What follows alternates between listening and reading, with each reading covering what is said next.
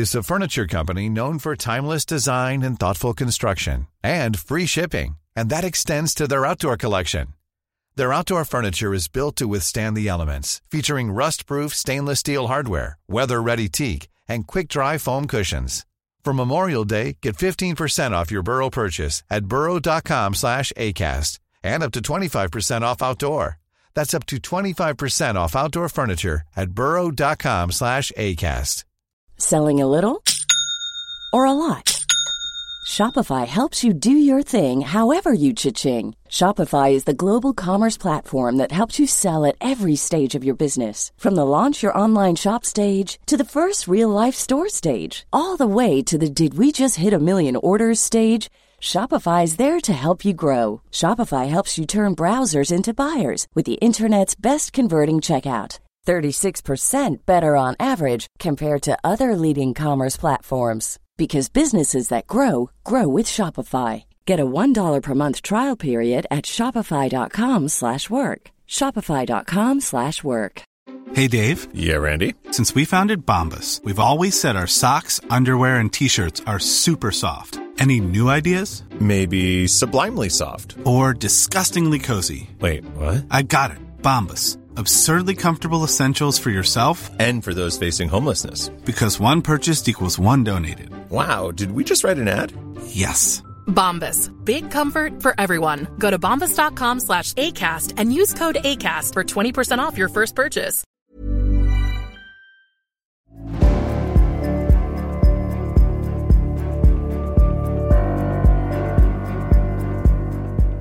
Förändringens vindar blåser i Sverige och förändringens vindar blåser i podcasten Samtal. Det här är den längsta registrerade tystnaden sedan jag startade våren 2019. Tror jag det var. Som jag startade den här podcasten, inte ett ont anande om vart den skulle ta mig och vad jag skulle få uppleva. En av de sakerna som jag märkte ganska snabbt var att kontinuitet är en av de viktigaste faktorerna när man startar en podd. Och därför har jag hållit onsdagar som heliga. Men ibland händer livet och ibland händer saker som man inte kan kontrollera. Så har det varit i mitt fall.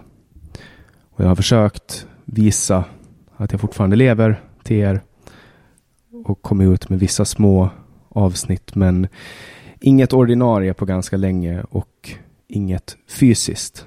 Men nu är jag tillbaks efter en sommar av ganska dåligt mående. Men jag är glad att kunna meddela att jag i ett helt nytt projekt och en helt ny konstellation av människor presenterar podcasten Samtal som en del av Non Grata. Non Grata är en modern nyhetssajt som kommer att ge ut den här podden med mig som ansvarig utgivare. Jag heter Jannik Svensson och välkomna tillbaks till podcasten Samtal. För mig är det här en dröm som går i uppfyllelse. Att aldrig någonsin få ha en chef igen är någonting som jag alltid har drömt om. Och det är någonting som jag håller som ett ideal. Nu har det hänt och nu är vi här. Och nu är jag inte längre en podcastare som håller på med podcasts på fritiden jag håller på med podcastar professionellt. Och till dig som har varit med från början och till er som har lyssnat länge, stort tack. Det är tack vare er som jag orkar fortsätta kämpa vecka efter vecka. Och nu är jag tillbaks igen. Vecka efter vecka kommer ni att få höra nya spännande samtal i podcasten Samtal. Mina samtal brukar vara två timmar, men den här gången kommer jag inte att få ihop en hel timme. Men det är ju valtider och ni har många andra podcasts att lyssna på. Det är några dagar kvar till valet. Det skiljer inte många tusen röster mellan det nya borgerliga blocket och det nya vänster socialdemokratiska blocket. Vem ska vinna valet i Sverige? Hur kommer regeringsbildningen att gå? Vad är det som händer i Sverige och vad kan du som väljare tänka på? Om du frågar mig så ska du som väljare rösta på ett parti som jag har upptäckt som heter Medborgerlig Samling. Det är ett litet parti som bubblar upp i kölvattnet av en borgerlighet som har rasat. Jag personligen har gått med i Medborgerlig Samling därför att jag tror på deras idéer och jag tror också att Sverige behöver deras idéer. Ni som lyssnar på den här podden kanske redan har hört några av deras företrädare. Kai Remme till exempel var med i våras i den här podden. Och ni kanske har hört Ilan Sade i någon av de andra poddarna. Men bakom den lilla organisationen med stora avtryck finns en kvinna som heter Lena Malmberg. Hon är kanske inte det här valet, men efter nästa val kommer hon förmodligen att sitta med som minister i Rosenbad om borgerligheten vinner. Och istället för att jag beskriver henne så kanske vi ska låta Lena Malmberg beskriva sig själv. Hej Lena och välkommen till podcasten Samtal. Ja men hej och tack så hemskt mycket för denna fantastiska introduktion. Det var väldigt eh, stora ord.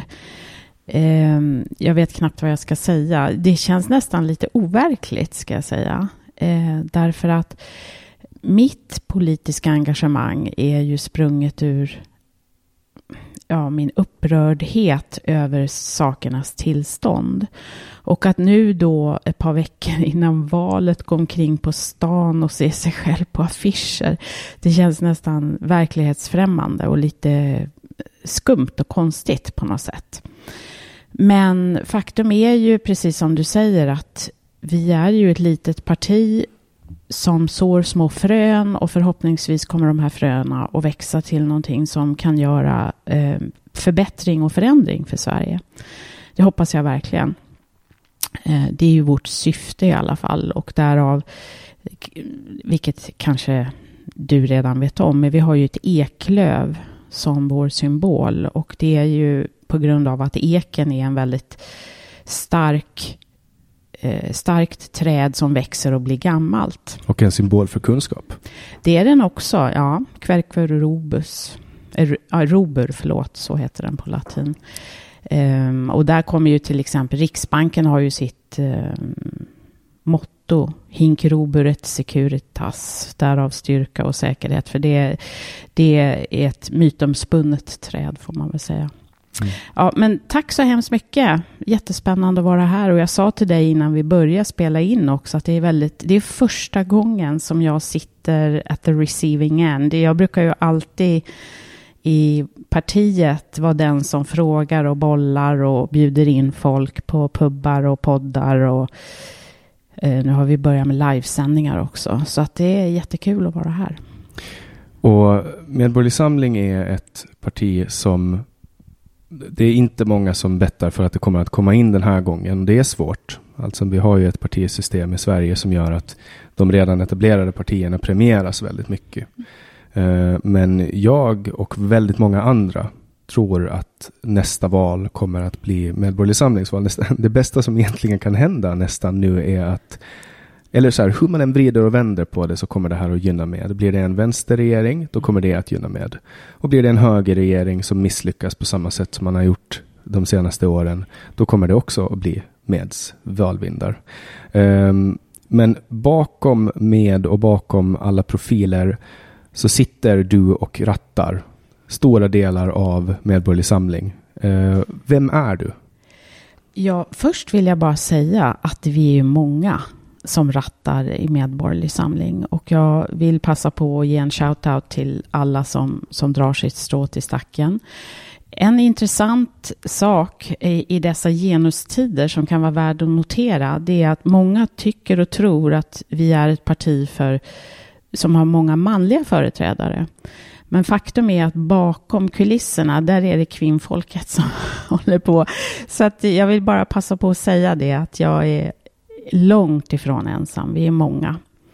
Och vem är jag? Ja, det är en bra fråga. Jag... Eh, ja, det är svårt nästan att prata om sig själv.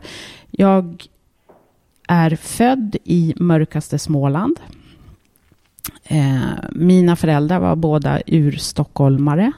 Men drog iväg ut på landet i en, i en slags grön våg. Men ganska snart efter eh, att jag var född så flyttade de tillbaks. De var från Stockholm båda två. Så flyttade de tillbaks till Uppland och jag är uppväxt på en gård som ligger norr om Stockholm mellan Märsta och Sigtuna.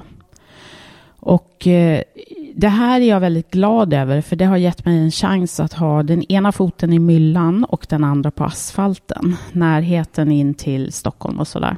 Och, eh, och också ett perspektiv från en tid där de enda skotten som ekade i Märsta var skotten från jägare.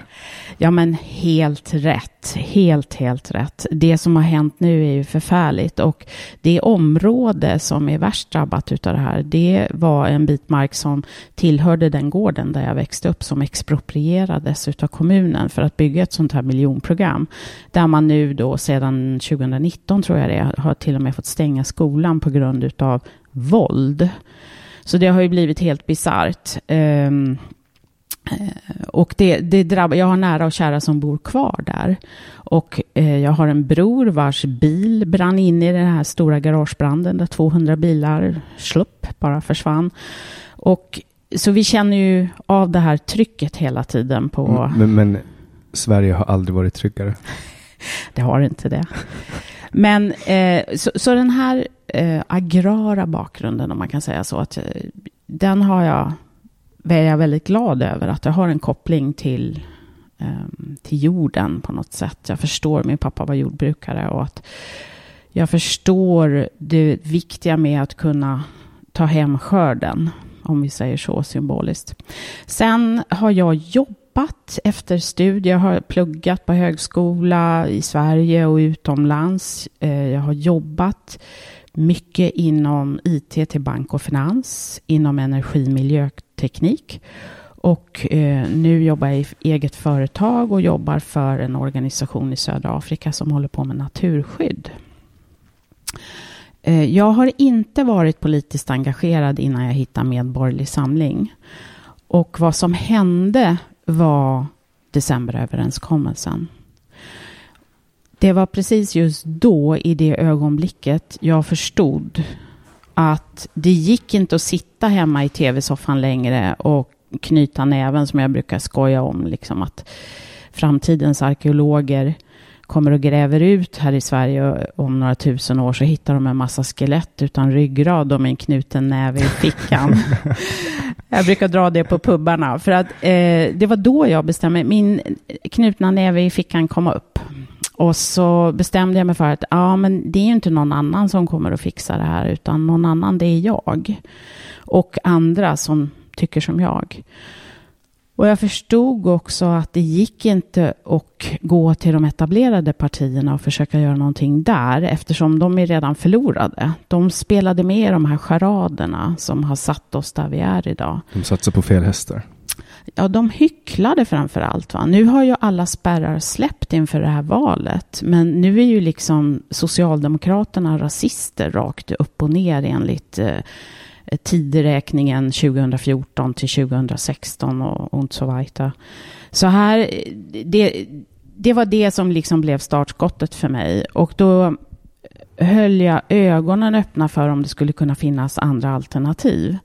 Och sen som av en händelse, man kan ju bara tacka sociala medier, så hittade jag Medborgerlig Samling i början på 2017. Och eh, det lustiga var, jag måste ge cred till min medkollega i Skåne, Anna Ljung, som sitter i kommunfullmäktige, för vi kom ju in i tre kommuner på första försöket och hon sitter på ett av de mandaten ni hör. Och då hade någon skrivit så här, ja, är det någon som känner till några nya partier så där som verkar intressanta? Varpå jag svarade då, eh, kolla in Medborgerlig Samling. Och sen pling sa det, så tog det bara någon minut så var Anna Ljung på min Messenger och eh, frågade om jag var intresserad och då sa jag att det var jag, men jag skulle ju precis göra en längre utlandsresa så att jag sa att jag ber att få återkomma när jag är tillbaka. Och det här var i eh, måste tänka efter. Det var i mars 2017. Och eh, sen så bestämde jag mig för det. Och det som hände också då var Akilov och Drottninggatan. Den 7 april 2017 satt jag i den hötorgsskrapa som ligger närmast Sergels torg. Jag hörde när han körde in. Jag såg paniken nere på gatorna. Och det här blev det som man på engelska brukar kalla för ett pivotal moment. Alltså, jag bestämde mig där och då för att allting som jag hädanefter skriver på sociala medier och så där, det ska jag dedikera till att engagera mig i samhällsfrågor. Och det gjorde jag.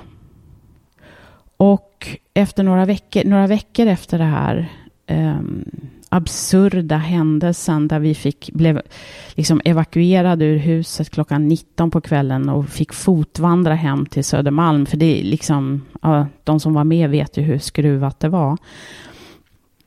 Ehm, och några veckor efter det så åkte jag, ja, det är ännu mer skruvat, det ska vi inte prata om, den här masspsykosen nere på Sergels torg efter några dagar eh, där man samlade folk då och gjorde handhjärtan och allt sånt här. Ja, efter. mot rasism, inte Ja, för offren. Nej, utan mot rasism. nej, men alltså det var helt absurt.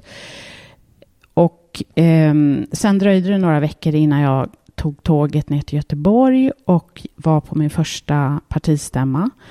Och då var det så på den tiden att partiet var så litet så att alla som anmälde sitt intresse för att gå på stämman fick komma med. Idag är vi så pass stora så att vi har ombud på de här stämmorna.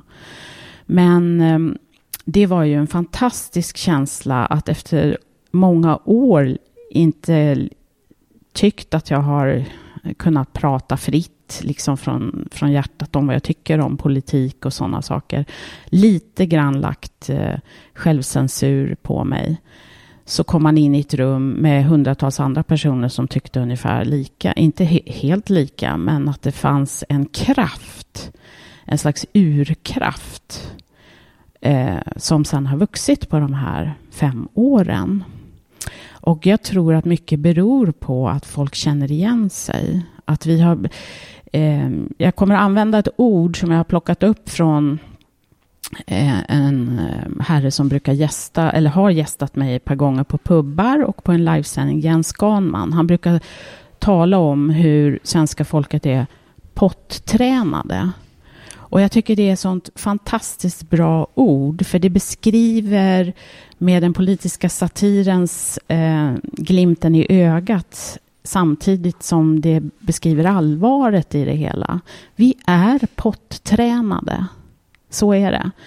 Och det är så skönt att kunna agera inom ramen för eh, den demokratiska plattformen. Och den är jag jättenoga med att försvara. Det, jag är ju demokratipolitisk talesperson också. Och åsikts och yttrandefrihet Eh, menar jag, det är det viktigaste vi har. Utan det har vi ingenting. Och den är binär. Alltså, either you have it or you don't. Du kan inte ha 75 procents yttrandefrihet eller åsiktsfrihet. Den måste vara 100 procent. Och det enda som eh, kan styra det här då utanför, det är lagar. Och de har vi. Vi har bra uppsättningar lagar i Sverige som styr det här. Och de ska vi vara rädda om. Och vi ska absolut inte låta oss påverkas att plocka bort de här grundlagarna eller ändra i dem så att åsikts och yttrandefriheten påverkas på ett negativt sätt. Det är jätte, jätteviktigt. Eh, och sen, eh, ja, nu blir det en lite sån här resa då. Det här var 2017. Sen har ju vi i partiet jobbat stenhårt. Det här låter helt knasigt kanske, men nu skriver vi 2022. Jag har jobbat med tre val på fyra år. Valet 2018, EU-valet 2019 och så nu eh, det här valet i år. Och det är en enorm logistikoperation att få till det. Vi måste med egna skattade medel betala för upptryckning, distribution av alla valsedlar. Och det här är ett demokratiskt problem eftersom det missgynnar ju småpartier. Ska jag avbryta direkt och Ja, berätta höra. hur vi gör i Finland? Ja, men det vet jag. Mm. Jag använder det som exempel och Ja. Danmark. Eh, Så för, för lyssnarna så får vi en fyrkant, ett fyrkantigt papper Ja. med en rund boll på. I bollen Mm. skriver vi en siffra, ja en cirkel. Mm. I cirkeln skriver vi en siffra. yes. Och i Sverige så har ni massa konstigheter för er. Ja. Så hörde du hur jag blev finne nu? Ja. Men jag är också svensk. Det jag hörs. identifierar mig som svensk. Ja, men det, Så därför är jag svensk. ja, men ni är smarta i Finland. Och, och framför allt så ger ju det en möjlighet för en demokratisk process som vi saknar här i Sverige. Och jag kan ibland skämtsamt säga att systemet är riggat här i Sverige. Det, det är klart att det är. Ja, det är sossarna har gjort ett det. system till sig själva. Ja, Alltså, och eh, senaste exemplet på det var att eh, Eh, bara för två år sedan under 2020 så kom Valmyndigheten med ett förslag att eh, alla partier som ställer upp i valet skulle få sina valsedlar upptryckta och distribuerade. Och eh, det här presenterades tillsammans med andra förslag till regeringen och dubbelminister Morgan Johansson. Och naturligtvis så blev det inte så på det sättet att de valde ut just det förslaget från Valmyndigheten. Istället har de då eh, nappat på vissa andra saker som att till exempel, eh, för det här med eh, att man har gemensam valsedel, det har flera positiva eh, effekter. Det ena är att du kan bevara valsekretessen väldigt bra i och med att det spelar ingen roll vilken valsedel du tar om någon står och tittar över din axel. Eh, så det blir, ja, valsekretessen är säker kan man säga. Och eh, sen är det ju det att du slipper allt det här. Det blir lika villkor för alla. För att nu i det här systemet så är det inte ovanligt att valsedlar rycks bort och försvinner. Och det finns fler än 6 000 vallokaler runt i landet. det, runt det landet. förvånar mig att inte EU har ingripit i det här systemet och säger att men det här funkar inte. Alltså gör det enkelt. Less is more. Ja, men det ser ju Socialdemokraterna till hela tiden att det inte blir så. För vi har ju haft liksom hundra år åsikts och makthegemoni som heter socialdemokratin. Och den är väldigt svår, för de sitter ju på allting. De sitter på den politiska makten, den exekutiva makten, de sitter på utnämningsmakten. Eh, och de, de, sitter på eh, problemformuleringsprivilegiet genom eh, public service och så vidare och pressstöd och partistöd och alltihopa. Allt sånt här som vi vill plocka bort för att få en eh, fair och en schysst eh, kamp mellan de olika politiska partierna. Det blir också två lager av dålighet. Därför att när man tar de, valsedlarna som finns idag, för det finns ju faktiskt icke partibundna valsedlar och det var det jag fick rösta på när jag röstade på Medborgerlig Samling. Eh, då fick jag en sån eh, sedel och sen skrev jag in Medborgerlig Samling. Sen finns det de som har dålig handstil.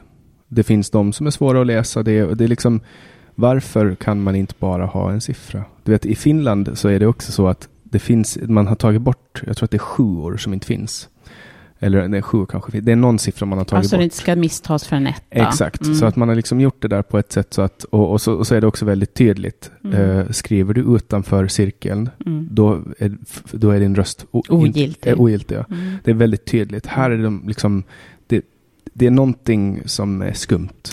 Det är, eh, ursäkta att jag säger, det är en Kalle Anka-demokrati. P- Precis, och en sak som jag också reagerar på, nu, nu, nu var det fyra år sedan jag röstade i Sverige, det är att när man röstar i Finland, då får man sin röst i handen. Man skriver i ett bås, sen viker man ihop den. Och så man, går man den ihopvikt och hela tiden har man den i sin hand. Man släpper den aldrig, man sätter ner den och så får man den stämplad. Eller först får man, kryssar de i vallängden att man röstar. Sen får man den stämplad. Och sen stoppar man själv ner den i en urna. Och eh, det är liksom... eh, Nu gav jag bort min röst. Och om någonting ska ha hänt där inne och jag tittar bort, jag, jag kan inte med 100% säkerhet veta att någon inte gjorde någonting med den. Så Nej, och det är ju ganska förvånande att vi inte har kommit längre i en nation som använder bank-id till allting. Vi är digitala i praktiskt taget allting vi gör idag. Men sen när det kommer till valprocessen så, så är det 680 miljoner papperslappar som ska distribueras ut. och vi måste förbjuda sugrör. Exakt. Så här, men vi ska trycka 680 för det är viktigt för demokratin. 680 miljoner eh, papperslappar versus sugrör. Och det intressanta är också att sugrören är utav papp och då ska man komma ihåg att en su ett sugrörs uppdrag är att sänkas ner i en vätska. Mm. Ja, ni får räkna ut resten själva, hur logiskt det här är. Det jag funderar på med sugrör, jag har tänkt ganska mycket på det där. Det handlar verkligen inte om att vi ska använda mindre plast. Det Nej. handlar om att vi ska veta att de är där. och Det- berör våra liv genom att vi får smaka papp i munnen när vi åker för att köpa någonting. Vi ska ha smaken av plast och smälta sugrör i våra drycker för att veta att nu har Socialdemokraterna minsann varit duktiga. Ja, det handlar väl ytterst om kontroll. Och eh, makt och kontroll är ju för vissa, det är alltså de här totalitära tendenserna som kryper fram lite här och där. Och det kanske låter fånigt att säga då att eh, papperssugrör är en totalitär tendens, men ja, Gör Faktiskt. så här, du får inte göra så. Men sen är det också så här, signalpolitik fungerar inte om det inte syns. Jag menar om man till exempel lägger någon form av plastreglering eller plastbegränsningar på eh, industrierna. Att ja, ni måste ha mindre emballage eller ni måste minska era emballage med 30 procent eller någonting sånt. Då märker inte gemene man det. Men om man Nej. förbjuder plastpåsar, Mm. då märker folk det. Jaha, måste betala 6 kronor för en plastpåse. Ja, och ändå är det ju bara en åtgärd som, som handlar om ett sugrör. Det kan ju finnas totalitära tendenser att förbjuda andra saker som har en mer allvarlig påverkan på ditt liv. Eh, till exempel oljebränning i pannan i huset. Eh, bara för att ta ett exempel. Mm. Allt sånt här ska ju fasas ut över tid naturligtvis. Det tycker jag också. Det kommer, eh, kapitalismen funkar ju så att det som är mest effektivt kommer att vinna till slut. Ja. Ja. Men det är ju hela tiden det här att man ska visa hur, hur man eh, kan potträna befolkningen. Så Mm. det är frågan om potträning igen. Använder det ordet. Nej, men för det där är en sån sak att det, ja, det finns vissa företag i Finland som har valt att eh, ta bort eh, plastkassar och ersätta dem Mm. med sådana här pruttluktande låtsasplast. Eh, och det får ju de göra om de vill. Men då får jag välja att gå och handla någon annanstans om jag vill. Ja, och sen är det ju så här. Nu bor jag på Södermalm i Stockholm i en bostadsrättsförening som har en fantastisk innovation som heter en sopsug. Som är en vakuumsug som går under fastigheterna och så småningom hamnar soporna som man slänger i avfallet på fjärrvärmeverket och från fjärrvärmeverket får vi då uppvärmt vatten till våra radiatorer, till vårt hushållsbehov, dusch och så vidare. Än så länge. Ja, precis, än så länge, precis. Och eh, då är det ju så korkat och funtat att idag, eller förr, när jag, jag har inte alltså köpt en enda plastpåse i butik sedan det här, mm, jag vet inte ens vad de kostar längre. Men, Sex kronor tror jag. Ja, det, det är en principfråga för mig. Eh, och förr så använde jag en sån plastpåse för att förpacka mina hushållssopor och det räckte. Och så kunde jag stoppa ner dem i eh, den här eh, sopnedkastet och så åker det under jorden några kilometer bort över Södermalm och bort till, och, och det funkade. Nu måste jag gå och köpa kinesiskt producerade plastpåsar som är utav usel kvalitet kostar typ 25 kronor rullen. Men jag behöver två stycken för att lägga hushållssoporna i för att de är så tunna. Och då är ju frågan, vad har vi uppnått med det här? Det vi har uppnått är att Socialdemokraternas och Amanda Linds ande vakar över oss när vi går in och behöver svära för att vi glömde vår bomullskasse som enligt all forskning visar att är mycket sämre för både miljön och klimatet. Men det skiter de i därför att vi får det in your face. De som har tagit med sin uh, hemstickade bambukasse som någon sweatshop i Zimbabwe har producerat, de är vinnarna.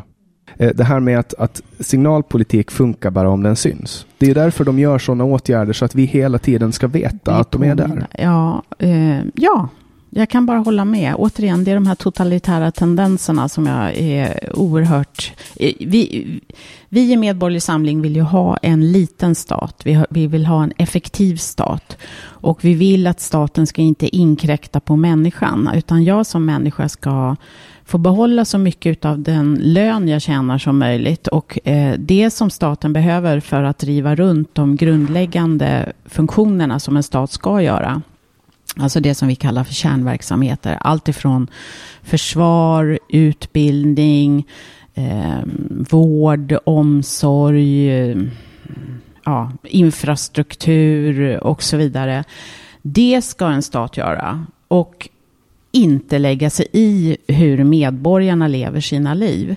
Idag har ju staten blivit som en jättestor ja, den slukar upp alla våra medel. Och jag tror det här ordet transferiat har ju, går ju runt ganska mycket där ute. Sen pytsar den ut alla våra skatter som en slags allmosor till folket. Som nu under den här elkrisen. Och tidigare har det ju också varit så under corona och så vidare. Nära val får man mycket. Ja, men precis.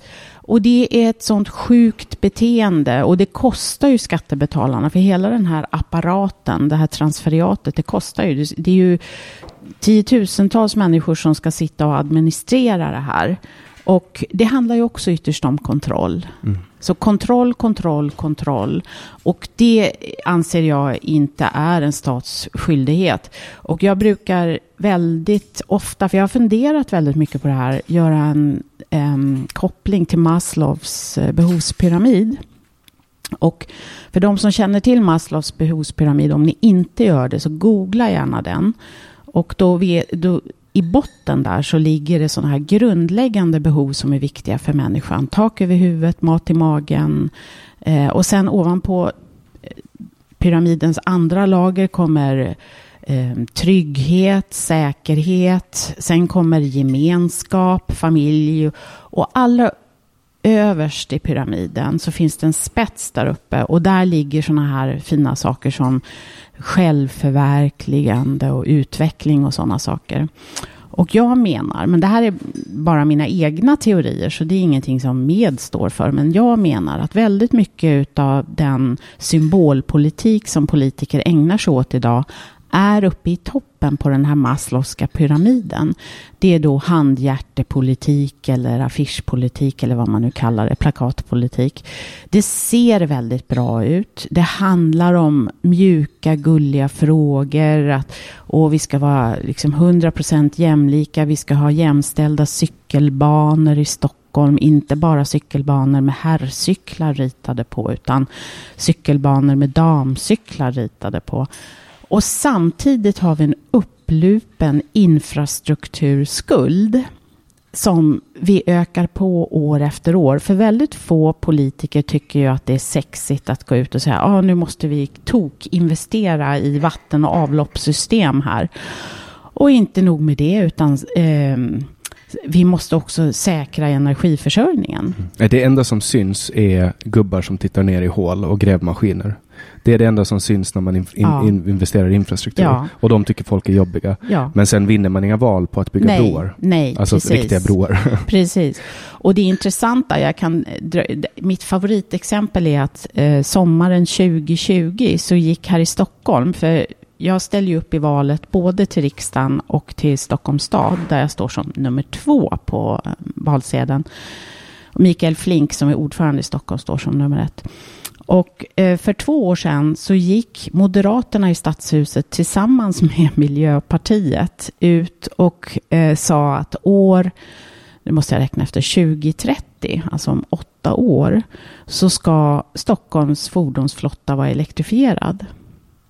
Det är bara det att Stockholms fordonsflotta består av någonstans mellan 750 och 800 000 fordon.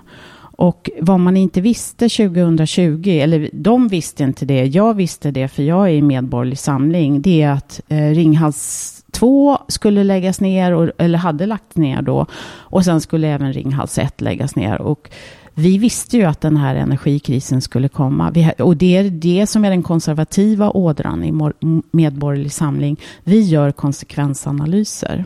Men Lena, vi såg det inte komma. Jag är hemskt ledsen, jag köper inte det. Nej, men vi gjorde inte det. Vi såg det inte komma. Hur länge tror du man kan köra med det?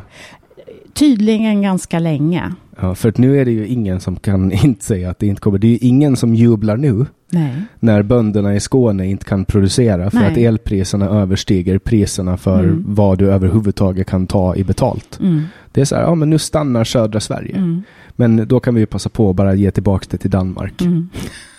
Ja, ja men, det där var ett skämt. Nu kommer ja, alla ja, bli arga. Ja, jo, men man, man, kan, man, man får skoja om saker och det är bra att skoja om allvarliga saker faktiskt. Det ska man göra. Man behöver en sån här comic relief för att annars pallar man inte. Men eh, det är ett problem och det här kommer ju få dominoeffekter. Vi kan sitta nu och skoja om det. Att det inte, varför ska Stockholms stad bygga laddstolpar när det inte finns någon el? Jag menar, det är ju en sån här grundläggande fråga. Man börjar i helt fel ände. Ja, ah, men vi går ut och säger till väljarna, för ingen väljare vill ju vara beroende av fossilt eh, och vi ska rädda världen och sådär. Och det är jättebra. För att jag är en av dem som menar, inte minst utav geopolitiska skäl, så måste vi bort från alla de här fossila... Och geopolitiken är nästan för mig det viktigaste idag. Och det började, det, det såg jag redan, måste jag tänka efter när det här var, 20, när jag jobbade i London så hörde jag talas om det som man då kallade för peak oil. Nu, nu talar man ju aldrig om det i debatten längre. Men eh, det gjorde att jag sökte mig till, eh, från IT till bank och finans till energi och miljöteknik. Så jag jobbade under några år med utveckling. Inte, inte jag själv som utvecklade, men i ett företag som utvecklade vätgasbränsleceller.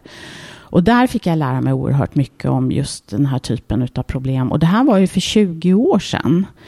Eh, och då såg man problemen bland de som var insatta i det här, vartåt det luta.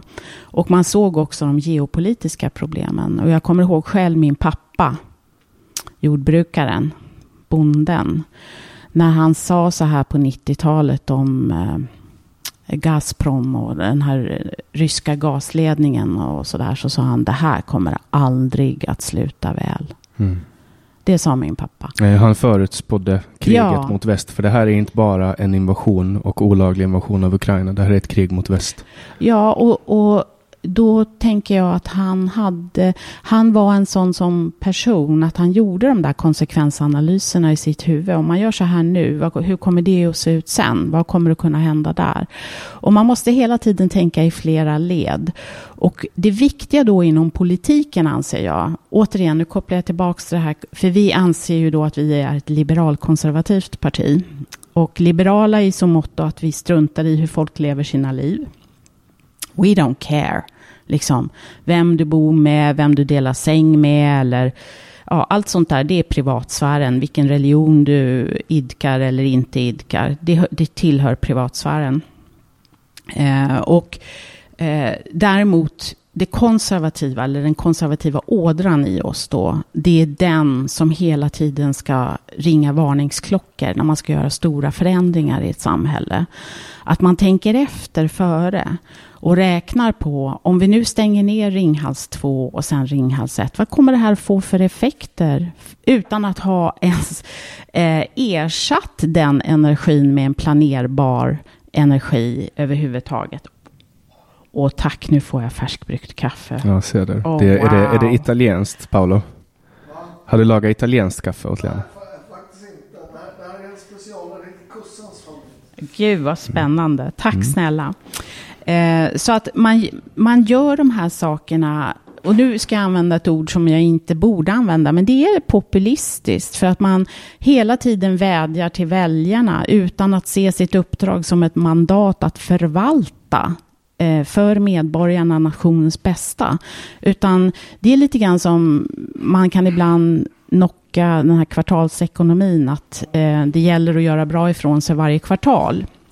Utan att se på årsbokslutet och kanske på fem års sikt och tio års sikt så har det hela handlat bara om att eh, vinna poäng och sen vinna val och stanna kvar på de här plattformarna då, i de parlamentariska kamrarna så att man kan fortsätta sin livstidskarriär. Och det ser man synnerligen väl jag brukar roa mig med, och det kan jag uppmana dina lyssnare att göra, gå in och titta på CVna på den socialdemokratiska regeringen får ni se. Jag menar Morgan Johansson, hans CV tror jag innehåller att han har jobbat för, om det var som journalist för tidningen Arbetet, typ någon gång på 90-talet, i två, tre år. Mm. Eh, och sen dess har han varit i politiken. Ja, och problemet där är att tar de in någon som är kompetent eller utbildad på riktigt, det kommer att få de andra att se fula ut. Jag måste bara, jag måste bara fråga Paula, har du satt kolhydrater i den här? Har du satt kolhydrater i den här? Inga socker alls? Bra. Paolo kritiserar mina matvanor för att jag undviker kolhydrater. Och han är ju kolhydratskungen. Är det så? Okej. Okay. Mm. Gud vad gott det Får jag fråga, vad är det i det här? det, det, det, det, visst är det gott? Mm. Jättegott. Jag har aldrig druckit något liknande. Men vad är det då? Det, det, det, det är en hemligt recept. Hela min penis kommer krympa om jag berättar vad det är. Det, det, det är havremjölk, eh, snabbkaffe och stevia. Oj. Ah, stevia. Det är den som gör det att det är en pick-me-upper. Ja, det var det som jag kände att här kommer det kolhydrater. Ehm, men om vi ser nu. Mm. Nu har vi val. Ja. Det är inte många dagar kvar. Och eh, man ska aldrig fråga. Jag är själv politiker så jag vet att man ska få hur kommer valet att gå. Men man kan inte göra. Man kan inte ställa en frågan. Men frågan är så här. Hur kommer Medborgarsamling att mobilisera energi de kommande fyra åren för att orka dra nästa valrörelse som kommer att göra att ni kommer in? Eller Det- vi, förlåt. Vi. Ja. ja, men det är en jättebra fråga. Eh, och jag har internt, det kan jag berätta, att det här är jätteviktigt att man får folk att förstå att det här är en långtidsinvestering. Att det här är någonting som man gör för att vi ska komma in till, i riksdagen. Nu hoppas ju vi att vi kommer in. Vi behöver alltså bara, nu gör jag citationstecken i luften här, bara 19 000 röster för att komma in i Stockholms stadshus. Och då är tanken så här att eh, kommer vi in i Stockholms stadshus, ja, då har vi väldigt stora möjligheter att visa i verkliga livet vad vi vill göra. Vi vill ju låta sopkvastarna gå, sätta till eh, revision och re, utav kommunen och hur man hanterar skattemedlen. Och vi vill att det ska göras externt. Vi menar att en kommun kan inte göra som den gör idag, att den reviderar sig själv. Det förstår man att det blir inte bra. Och vi har redan grävt och hittat sådana här exempel på eh, korruption, maktkorruption, där politiker i stadsdelar har tilldelat sig och sin familj 5,3 miljoner kronor, tror jag det var. Så att vi hoppas verkligen att vi kommer in där. Och det skulle ge oss definitivt ångan, att ånga på i fyra år till. Eh, och jag tror att eh, det här, alltså om man tittar, vi kom in på första försöket i tre kommuner. I år ställer vi upp i 65 kommuner. Det finns 290 eller 291 beroende på vilken källa man tittar. Jag har inte räknat, men eh, och vi ställer upp i 11 regioner. Och jag märker ju en otrolig skillnad på genomslag från för fyra år sedan. Att vi har lyckats nå ut utanför vår bubbla. För vi blir ju aldrig inbjudna till Sveriges Television eller Sveriges Radio. Och sådär, Det är klart, vi- ni är ju inte, F, ni är ju inte Fi liksom. Nej, precis. Och det här är intressant, det kan jag berätta, att när Fi eh, kom ut som nytt parti, då direkt sände Sveriges Television från deras partistämmer. Mm. Ja, d- Sveriges Television sände från sin egen partistämma menar du? Ja, men lite grann så. Lite grann så. Ehm, och det här är ju, för det finns ju en anledning till att det är på det sättet tror jag. Det är ju för att den här feminismen, den skulle liksom lanseras. Den har ju gått igenom som en röd tråd, bokstavligen i den svenska förvaltningen. Vi har en feministisk eh, utrikespolitik. Ja, som innebär att man tar på sig en eh, feministisk huvudbonad när man åker till Exakt. arabländer. Som är jätte, de är ju kända för sin eh, progressiva politik när det kommer till jämställdhet. Men jag tror ju att folk verkligen rent generellt förstod att när den svenska regeringen åkte i en stor delegation till Iran och samtliga kvinnor iklädde sig eh, huckle så förstod ju väldigt många att det här är ju ett hyckleri. De skulle ju naturligtvis ha gått in på egna villkor. Det hade varit feminism för mig. Att ja, göra att säga, så. jag- också att det finns ett undantag för diplomater. Att du behöver inte ta seden dit du kommer om du är diplomat. Nej men alltså, den riktiga feminismen, den har ju sin, sitt ursprung ur eh, den här eh, suffragetterna i Storbritannien. Eh, familjen Pankhurst, Emily Pankhurst, hon var ju den första suffragetten. Och eh, jag kommer faktiskt ihåg i skolan när jag gick på gymnasiet så gick det en tv-serie på just eh, SVT om familjen Pankhurst, de här kvinnorna. Och jag kommer ihåg min lärare i skolan, han sa så här, ja Lena, du är en sån där suffragettkvinna. Och jag kände så här, ja det är jag.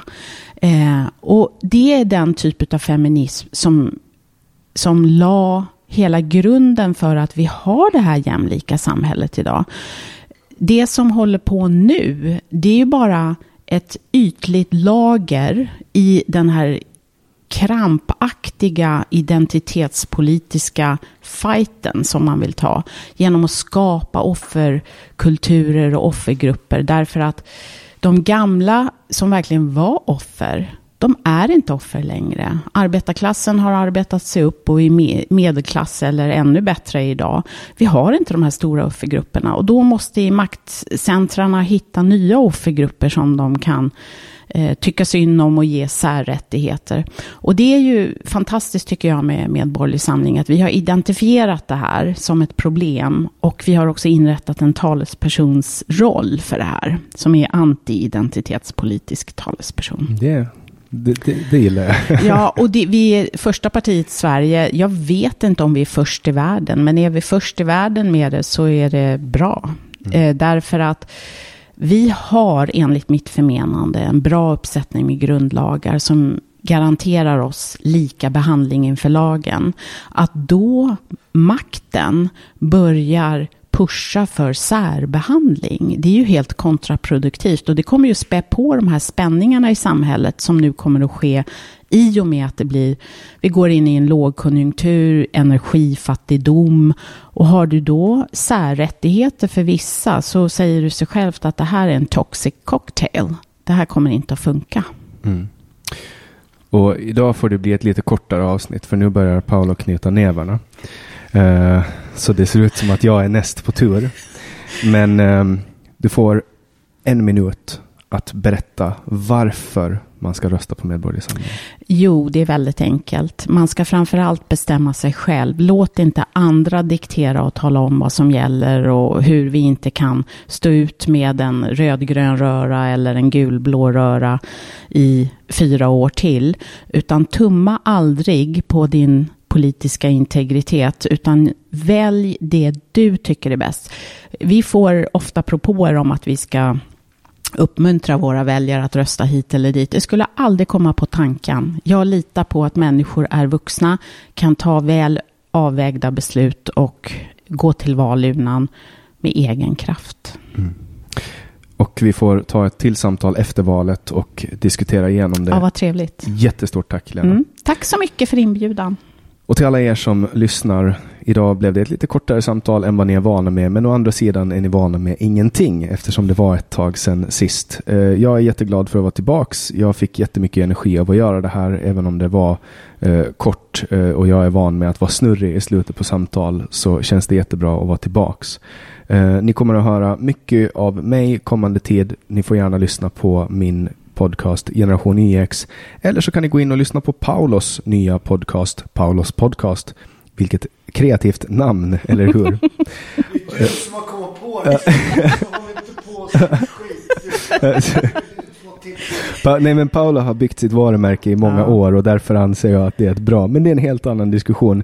Eh, håll ögonen öppna. Gå gärna in på nongrata.se och kolla vad Nongrata har att erbjuda dig i form av journalistik eller underhållning.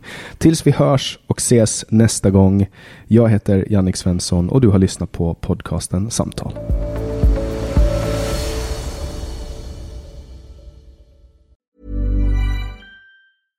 Imagine the softest sheets you've ever felt. Now imagine them getting even softer over time. That's what you'll feel with Bowl and Branch's organic cotton sheets. In a recent customer survey, 96% replied that Bowl and Branch sheets get softer with every wash. Start getting your best night's sleep in these sheets that get softer and softer for years to come. Try their sheets with a 30-night guarantee. Plus, get 15% off your first order at bowlandbranch.com. Code BUTTERY. Exclusions apply. See site for details.